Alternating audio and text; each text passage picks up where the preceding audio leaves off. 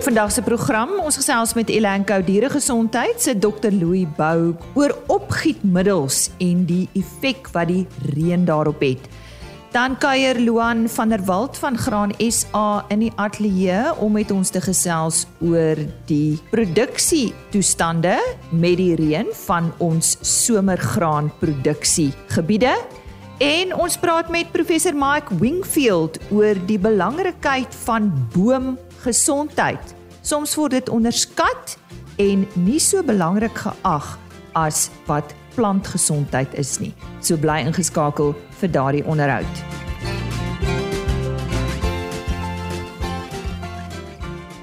Baie dankie dat jy ingeskakel het. My naam is Lise Roberts.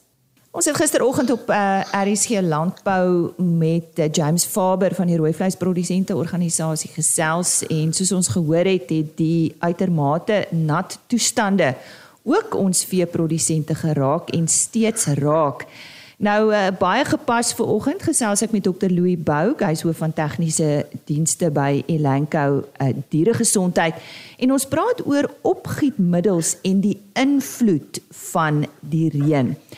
Louis, môre, welkom weer eens en vir die eerste keer hier op RSG Landbou so in die nuwe jaar.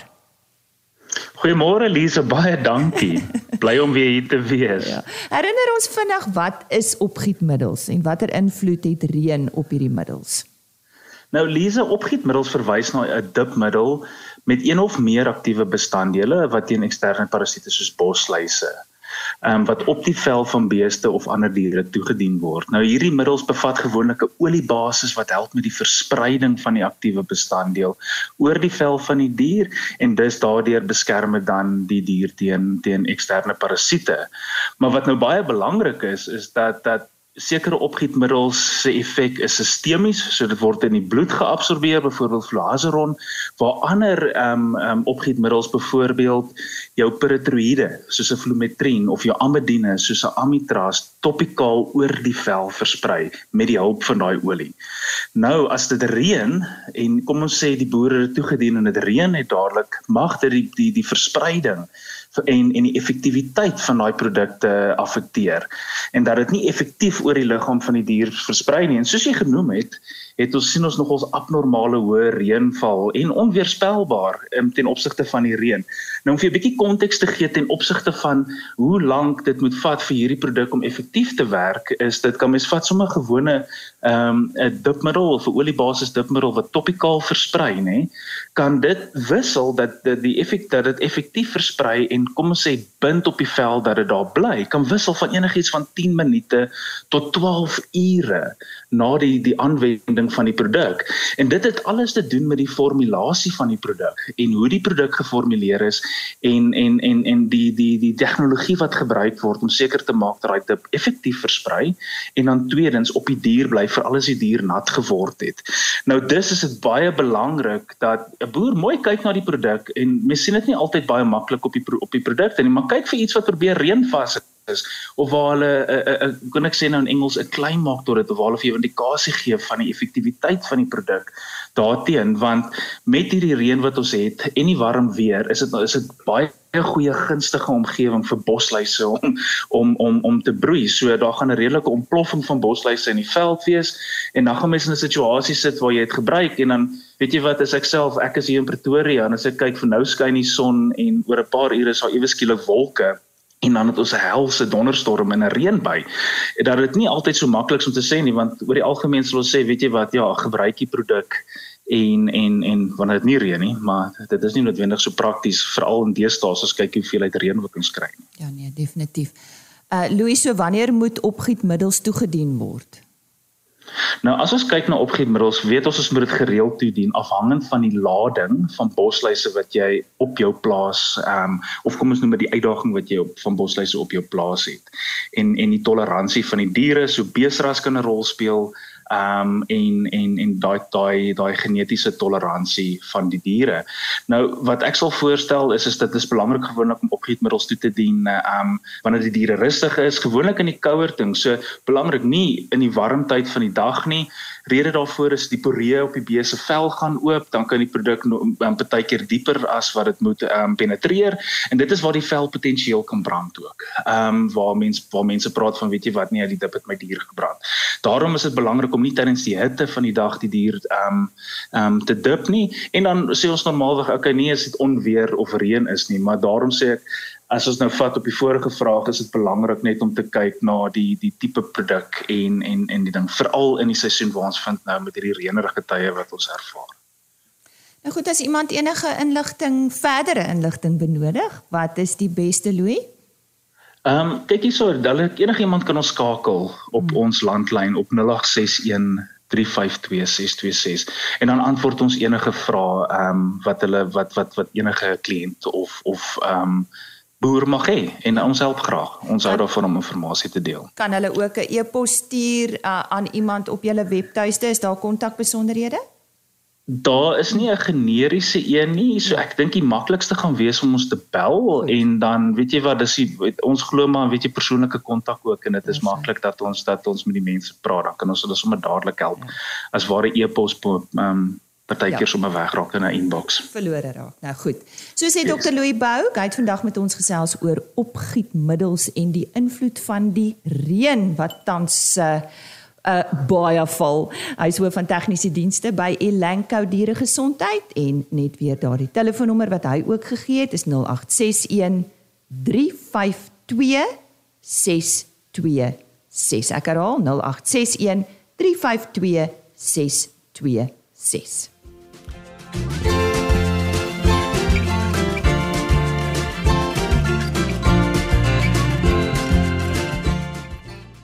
Teenstelling met die afgelope paar jaar waar die plantseisoen van somergewasse gekenmerk was deur warm en droë toestande, is hierdie seisoen oorheers deur oornat en koeler toestande. Nou uh, oornat toestande het natuurlik uitdagings van 'n ander aard en uh, in van die land se produksiegebiede het dit ook gesorg vir meer uitdagings as gewoonlik tydens die planttyd en dis waaroor ons vandag gesels met uh, Luan van der Walt natuurlik van Graan SA. Hy is ekonom daar by hulle. Luan, welkom vir die eerste keer hierdie jaar. Môre Elise, baie dankie. Daar sê, hoe het die plantseisoen verloop? Ja, as ons kyk na die jaar se plantseisoen soos jy in die inleiding ook gesê het, um, ek dink daar was maar redelik uitdagings geweest vorige jare wat er, wat ons hier was 'n bietjie gesels het oor die plantseisoen was dit hoofsaaklik omdat dit later was omdat dit te droog is en die produsente nou nie in die lande kon kom om te plant nie. Nou hierdie jaar het die reenseisoen eintlik goed begin. Ek dink die plantseisoen oor die algemeen het eintlik goed gevorder. Omtrent die oorgrootste meerderheid van die gewasse is binne die optimale plantvenster geplant. En dit is dit is 'n goeie ding en dalk hier en daar so 1 tot 2 weke laat, ehm um, wat daar 'n bietjie laat geplant ook is, maar dit is hoofsaaklik as gevolg van oornat toestande. Mm. So dit het lekker wyd verspreide reën gekry reg oor die land en dit reën nog steeds baie wyd oor die land. Ehm um, maar as ons kyk na die plantseisoen wat hoofsaaklik wat tussen Oktober en Desember verlede jaar was, ehm um, het dit hmm. goed gevorder, maar daar was my uitdagings met oornat toestande en trekkers wat vassit en mense wat nie in die lande kan kom nie. En ja, dit het ook ons maar sy eie uitdagings uit die aard van die saak. Uh kom ons praat bietjie oor daai produksietoestande van ons somergrane tans. Ja, ek dink dit is nou maar waar die groot fokus nou tans is. Die plantseisoen is afgehandel en dis dalk hier en daar nog mense wat bietjie sonneblom en so plant, maar Ehm um, die die produksietoestande is is maar baie uitdagend tans en dis ook maar in in gebiede net. Daar sekere gebiede van die land ehm um, veral by die watertafelgronde ehm um, daar waar daar baie reën voorgekom het ons dink daar in die Hoopstad of ons verwys na Hoopstad Wildfontein Botawil area Wesselsbron ehm um, selfs Hertogwil se kant toe. En dan in ander gebiede van die land ook selfs in die oostelike gedeeltes van die land. So daar's maar in baie gebiede is daar redelik waterskade. Ehm um, dis op hierdie stadium omdat dit nog redelik vroeg gesien seisoen is dit is dit eintlik regtig moeilik om om 'n syfer te noem en die die werklike skade wat daar is te bepaal. Dit is dit is baie moeilik. Ehm um, daar kan nog baie gebeur deur die res van die seisoen, maar ek dink die produksieomstandighede tans sou ek sou ek redelik beskryf as gemiddeld. Ehm um, daar is spesifieke areas waar daar regtig groot probleme is, maar oor die algemeen dink ek ehm um, lyk dit in in van die areas weer baie goed ook nê nee, van ons daar sekere areas wat nou weer baie goed doen met met baie reën terwyl mm. ander areas dalk nou nie so goed doen met baie reën nie en 'n bietjie droër toestande eintlik dan nou beter doen.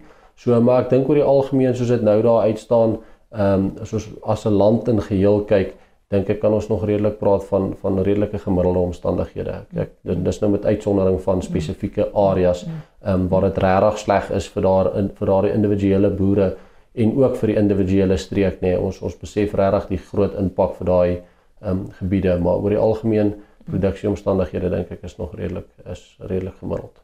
Luan, daar's altyd risiko's wanneer dit so nat is. So waar lê die groot risiko's vir hierdie seisoen tans? Ja, ek dink as ons kyk na die risiko's op hierdie stadium, ehm um, dink ek is die oorgroter meerderheid te veel reën op hierdie stadium. As ons kyk na hoe dit nou tans lyk en uh as ons na die reenseisoen die verwagting vir die res van die seisoen se reën kyk, is een van ons groot risiko's definitief te veel reën, so dit is vir sypskade. En dan nou saam met dit is daar nou weer goed so siektes ook. Ons dink vir alles ons kyk na die oliesade kant, as ons ehm um, sojabone, sonneblomme, sclerotinia in hierdie tipe van weeromstandighede floreer dit nogals meer. So ek dink daar's 'n bietjie risiko vir siektes ook. Mm -hmm. En dan ehm um, selfs iets soos hitte eenhede.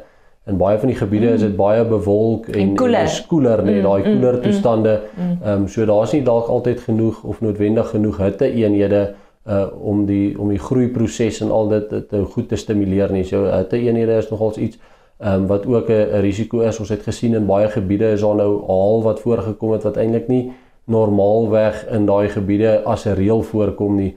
Ehm um, so dit is eintlik maar 'n deurmekaar seisoen. Maar ja, daar is nog tyd in die seisoen en dan uit die aard van die saak ehm um, is dit nog altyd maar vir al die einde Februarie begin Maart se kant as dit bestuivingstydperk is. Ehm um, ek meen ons het al seisoene gehad in die verlede wat 'n goeie voorjaar of 'n baie nat voorjaar was en dan kom ons hier in die bestuivingstydperk en dan maak hy dalk 'n bietjie 'n droogte tydperk daar. Mm.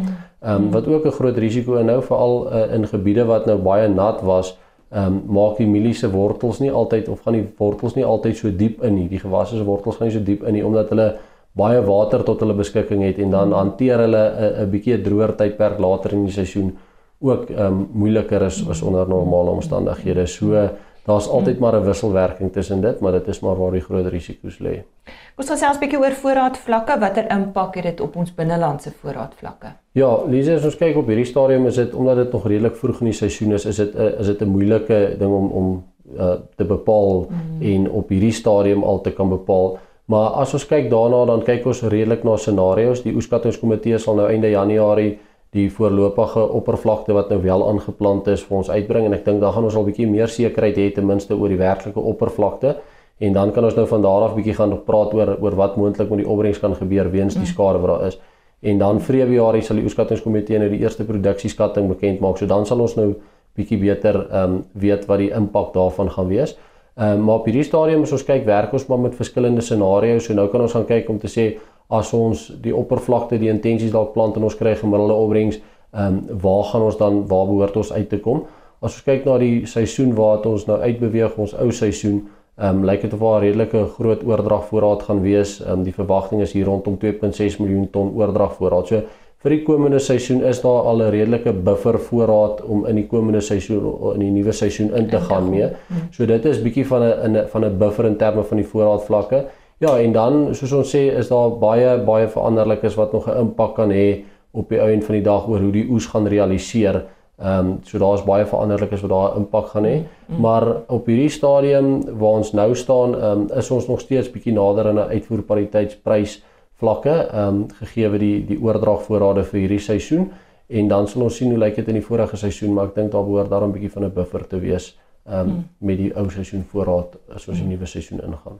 So die kort en die lank is, jy gaan een van die dae weer op hierdie stoel moet sit om vir ons verder te vertel. Ek sal ek sal weer 'n draai hier kom maak as ons bietjie meer sekerheid het oor hoe dit ja. hoe dit vorentoe lyk, ja. ja. So sê iemand van der Walt van Graan SA en ons vandag bietjie met hom gesels oor eh, die nat toestande en die graanproduksie veral ons somergrane.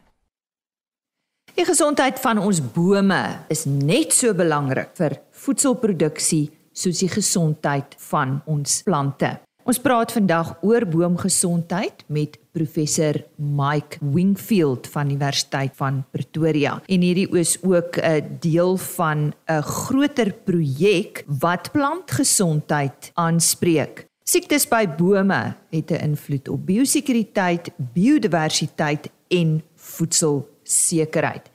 Net so 'n bietjie meer oor professor Mike Wingfield. Hy het by die Nasionale Wetenskap en Tegnologie Forum die 2019-2020 spesiale jaarlikse tema toekenning ontvang. Hy is professor by die Bosbou en Landbou Biotehnologie E-instituut en ook adviseur van die hoofbestuur by die Universiteit van Pretoria. Die toekenning is gemaak omdat hy wêreldwyd erken is as 'n Suid-Afrikaanse plantpatoloog vir 'n leeftydse bydraes tot die identifisering en bestuur van plantsiektes, asook sy opleiding en mentorskap van groot getalle plantpatoloë en entomoloë wêreldwyd. Professor Wingfield het in 1998 die Bosbou en Landbou Tegnologie E-instituut of FABI, so dit beter bekend staan, by die Universiteit van Pretoria gestig en was vir 20 jaar die direkteur daarvan. Ons gesels nou met hom oor boomgesondheid. Mike, Hoe belangrik is siektes by bome in die wêreld?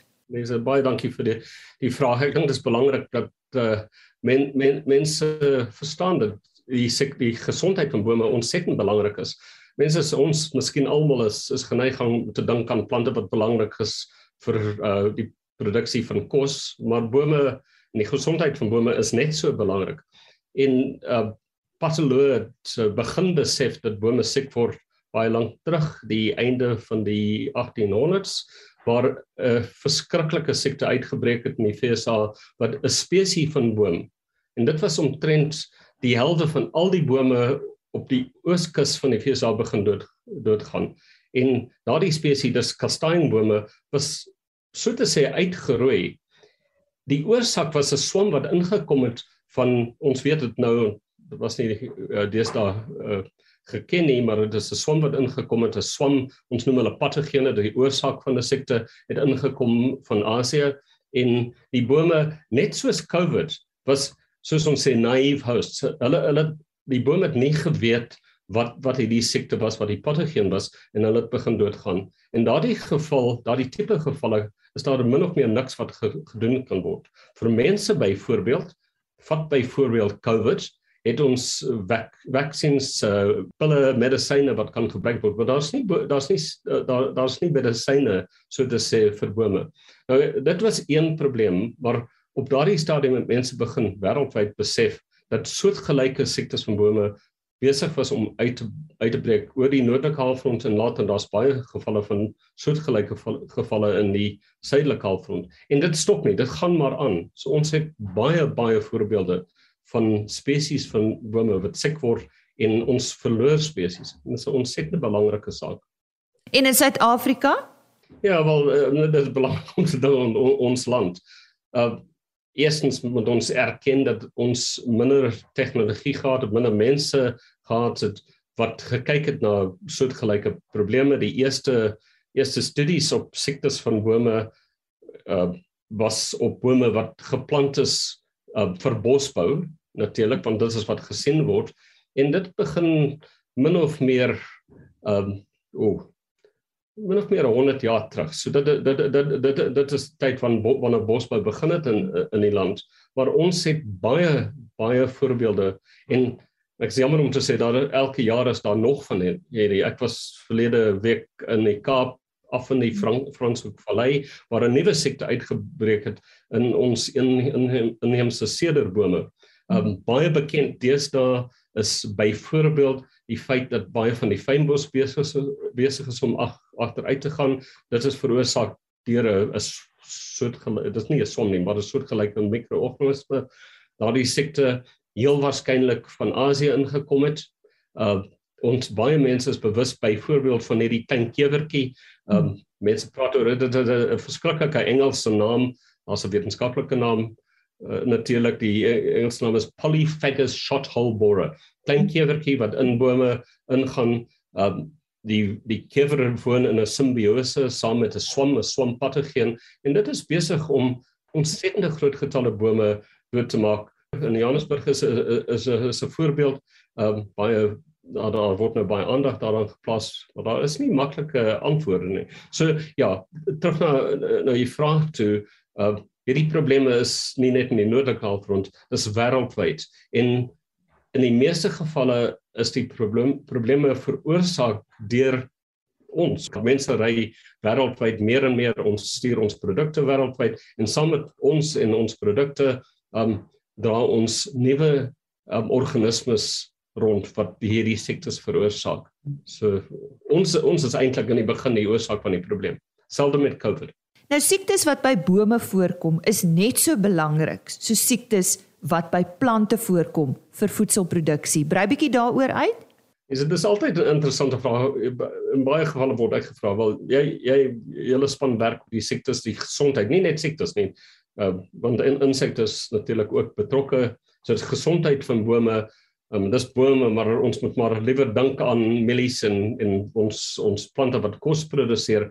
En dit is vir my 'n baie interessante vraag. Dis 'n vreemde saak. Ons moet eerstens dink aan wel ons sal nie hier wees sonder bome nie. Bome sonder bome het ons nie water nie en ons nie lug om in te asem nie. Um, ons sal net nie hier wees nie. Uh so vir die uh, bome in, in, in die sin van die produksie van um suiwer lug om in te asem, vir water om te drink, die gesondheid van die grond is ontsettend belangrik. En so so in in 'n manier is dit alles belangrik. Die gesondheid van mense is is belangrik. So eintlik eh, in my mening moet ons meer bekommerd wees oor siektes van bome as byvoorbeeld mieliesektes. En ek moet versigtig wees, my kollegas sal miskien um, daaroor lekker redeneer, maar mieliesiektes ons mielies groei vinnig bome uh, boontjies nog vinniger en ons het ons chemiese stowwe en ander maniere om te verander. As 'n as 'n baie belangrike siekte van byvoorbeeld boontjies uitbreek kan ons die tipe boontjies redelik vinnig verander. As 'n siekte van bome begin is daar baie min wat gedoen kan word. Ons kan nie oor groot areas uh, chemiese stowwe gaan gaan rondspuit nie want dit sal dit dit is ontsettend problematies vir die vir die omgewing. Uh, dit kan net, net nie gedoen word nie en om as dit bosbou is so um, kommersiële bosbou of of vrugtebome, daardie bome groei vir jare. Dit ek, ek kan nie onthou hoe hoe lank voordat 'n avokado boom begin vrugte produseer. Dis 4, 5 jaar. As daardie bome begin siek word, vat dit ontsettend lank, 20 jaar of langer om nuwe tipes bome te kry om te plant. So dit dis in die kommersiële kant. In die inheemse boomsituasie is daar min of meer niks wat ons kan doen. As 'n ernstige siekteprobleem begin begin en uitbreek, is daar min of meer niks wat gedoen kan word. So terug na daardie uh, waar ek begin het met die die voorbeeld van die kastanjing siekte en daar's baie ander. Daardie bome is maar weg. En dit dit kan die 'n groot gedeelte van die omgewing wees.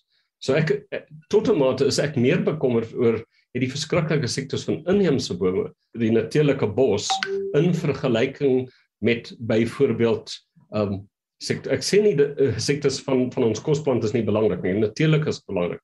Die sekuriteit, kossekuriteit is 'n massiewe probleem en dis wel bekend. Maar ons moet nie vergeet van die belangrikheid van bome en die gesondheid van bome. Terug na jou vraag toe, dis net so belangrik. Mike baie dankie. Ons moet afsluit. Uh, net ter afsluiting so 'n paar gedagtes wat jy met ons wil deel. Ek sê ek het altyd baie gedagtes. Uh, ek, ek ek sal twee twee twee sake noem. Eerstens die belangrikheid van tegnologie. Ek dink ons ons sien in die laaste 2 jaar dat ons gesien wat gedoen word wêreldwyd wanneer 'n belangrike menslike siekte uitbreek. En dis dis fantasties wat gedoen was in vinnig ons het stowwe geproduseer om mense uh, gesond te maak. Uh, Daar's nuwe medisyne. Ons begin verstaan oor social distancing, hoe siektes versprei en al daardie sake is net so belangrik vir die gesondheid van plante in die algemeen. Boom boomsiektes um, natuurlik ook. En ek dink die les wat ons kan leer is ons het fantastiese tegnologie wêreldwyd om te begin om om plantsiektes beter te te verstaan en die die die saak is dat die tegnologie is is is beskikbaar. Die saak is ons gebruik nie wat beskikbaar is nie en daar is 'n 'n groot nood om te belê in die tegnologies um, en en toekomstige tegnologie om te sorg dat ons gesonde plante het in die toekoms. En die ander ander klein puntjie um ons oor baie deesdae oor uh, klimaatsverandering en dit is ook ontsettend belangrik. Soos klimaat verander en dis 'n ingewikkelde saak.